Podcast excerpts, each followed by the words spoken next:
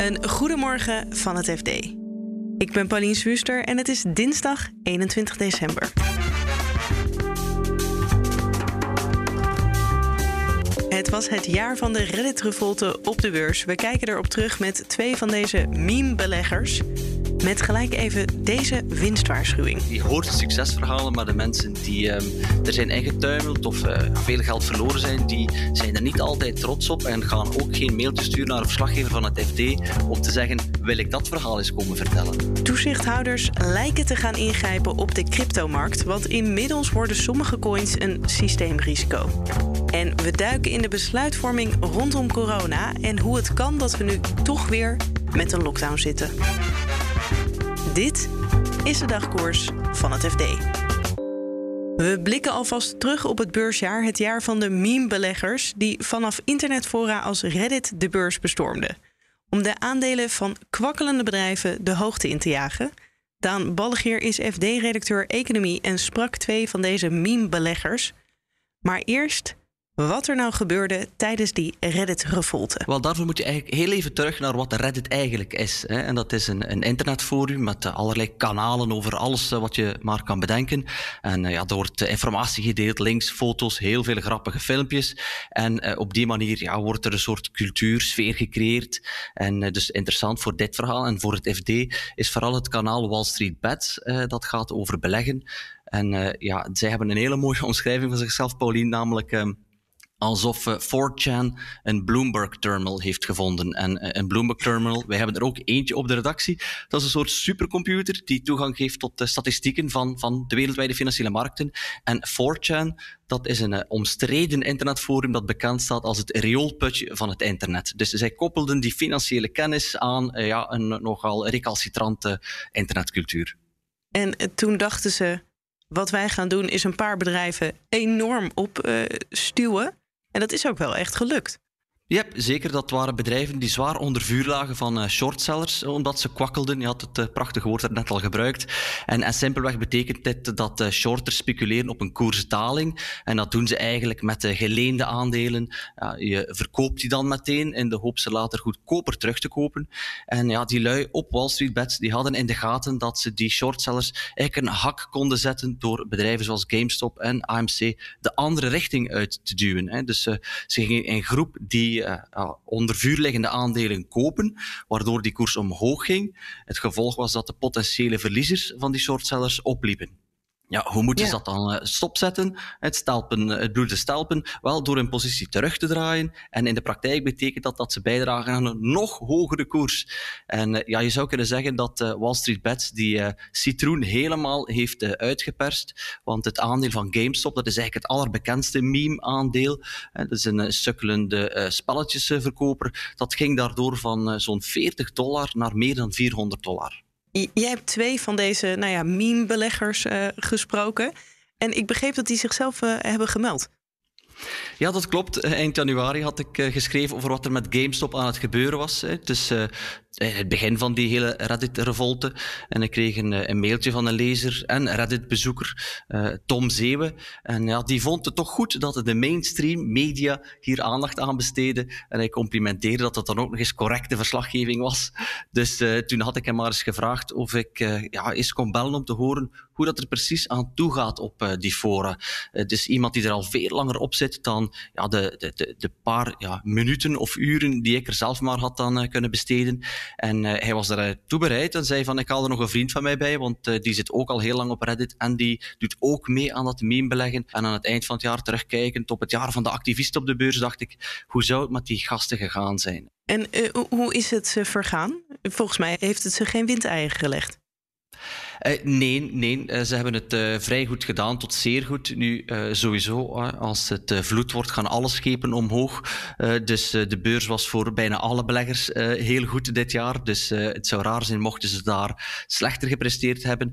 Maar wat ook meespeelt voor hen specifiek, is dat ze ja, niet alleen in meme-aandelen, zoals GameStop, hebben belegd, maar ook in crypto's. En je weet ook, de hype van crypto's het laatste jaar, anderhalf jaar, is ook heel groot. Dus ze hebben het mede daardoor heel goed gedaan.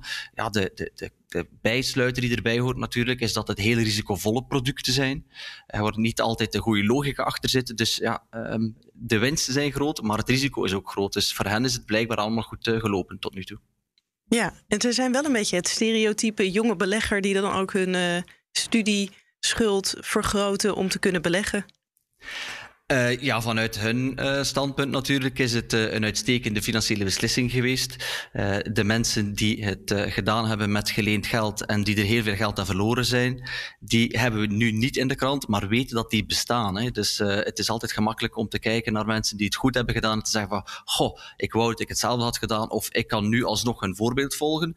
Want ja, je hoort de succesverhalen, maar de mensen die um, er zijn ingetuimeld of uh, veel geld verloren zijn, die zijn er niet altijd trots op en gaan ook geen mailtje sturen naar een verslaggever van het FD om te zeggen, wil ik dat verhaal eens komen vertellen. Dankjewel Daan. Tot genoegen.